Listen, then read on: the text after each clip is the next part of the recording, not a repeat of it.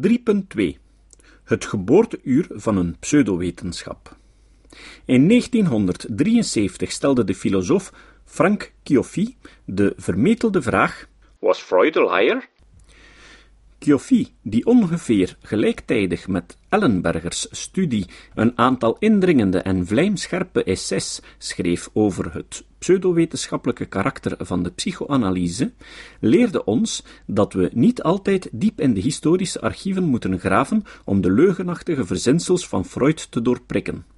Het relaas over de overgang van de verleidingstheorie naar de fantasmetheorie bijvoorbeeld, dat verhaalt hoe de eigenlijke psychoanalyse het levenslicht zag en bij gevolg het sleutelmoment is in haar orthodoxe en officiële geschiedenis, is een kaartenhuis van manifeste leugens en verdraaiingen dat de vele hiaten en contradicties en Freuds weergave van deze legende decennia lang aan talloze ogen is voorbijgegaan, bewijst dat ze voor Freudianen is wat de transsubstantiatie is voor orthodoxe christenen.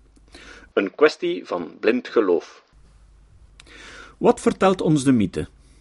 Sigmund Freud een Weense zenuwarts op het eind van de 19e eeuw behandelde in zijn praktijk een reeks patiënten die zich herinnerden hoe ze tijdens hun kindertijd seksueel misbruikt werden, meestal door een van hun ouders.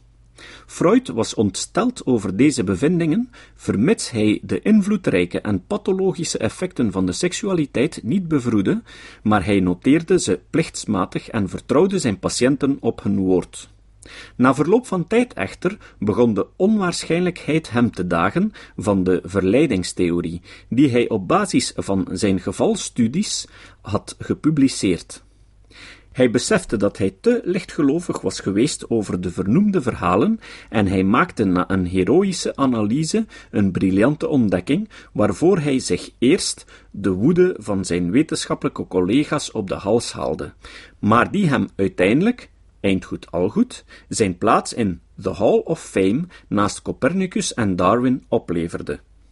De revolutionaire ontdekking was dat zijn patiënten die verhalen gefantaseerd hadden, omdat ze zelf verdrongen infantiele verlangens koesterden om seks te hebben met hun ouders. Zoals Kiofi en later Israëls, Schatzman en Esterons hebben betoogd, is dit verhaal een compleet verzinsel. Het was Freud zelf geweest die deze seductieverhalen had gereconstrueerd en vervolgens met de grootst mogelijke moeite aan zijn patiënten had opgedrongen, in weerwil van hun protest en ongeloof. Freud hield destijds vol dat deze seksuele herinneringen om een pathogene kracht te bezitten per definitie moesten onbewust zijn en dat de therapeut ze slechts middels dwingende insistentie van zijn kant kon lospeuteren. Ook de beweringen dat hij geschokt was door de onverwachte bevindingen tijdens de verleidingsfase is aantoonbaar onjuist, aangezien historici uitgebreid hebben gedocumenteerd dat Freud al op voorhand gepreoccupeerd was door de pathologische factor van de seksualiteit. Aangezien er überhaupt geen spontane verhalen waren waarover Freud lichtgelovig kon zijn, zijn patiënten herinnerden zich niets toen ze bij hem over de vloer kwamen, maar enkel constructies die aan Freuds eigen fantasierijke geest waren ontsproten, was de psychoanalytische uitvinding van de verdrongen infantiele en seksuele verlangens een pseudo-oplossing voor een pseudo-probleem.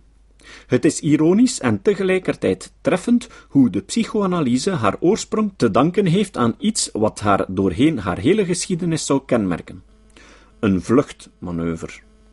Freud wou niet toegeven dat zijn methodes van vrije associatie en arbitraire seksuele interpretatie nergens toe leiden, en omdat hij zich niet volstrekt belachelijk wou maken in wetenschappelijke kringen, probeerde hij zijn handen in onschuld te wassen. Het waren zijn patiënten geweest die hem al deze verhalen over seksueel misbruik hadden wijsgemaakt. Hij was alleen een luisterend oor geweest.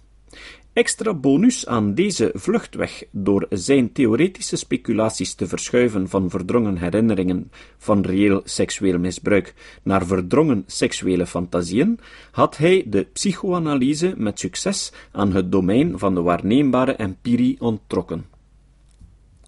Dit pseudowetenschappelijke en anti-empirische karakter van de psychoanalyse, dat door Popper al is aangeraakt en door Frank Kiofi overtuigend is uitgewerkt, zullen we zo dadelijk van naderbij bekijken.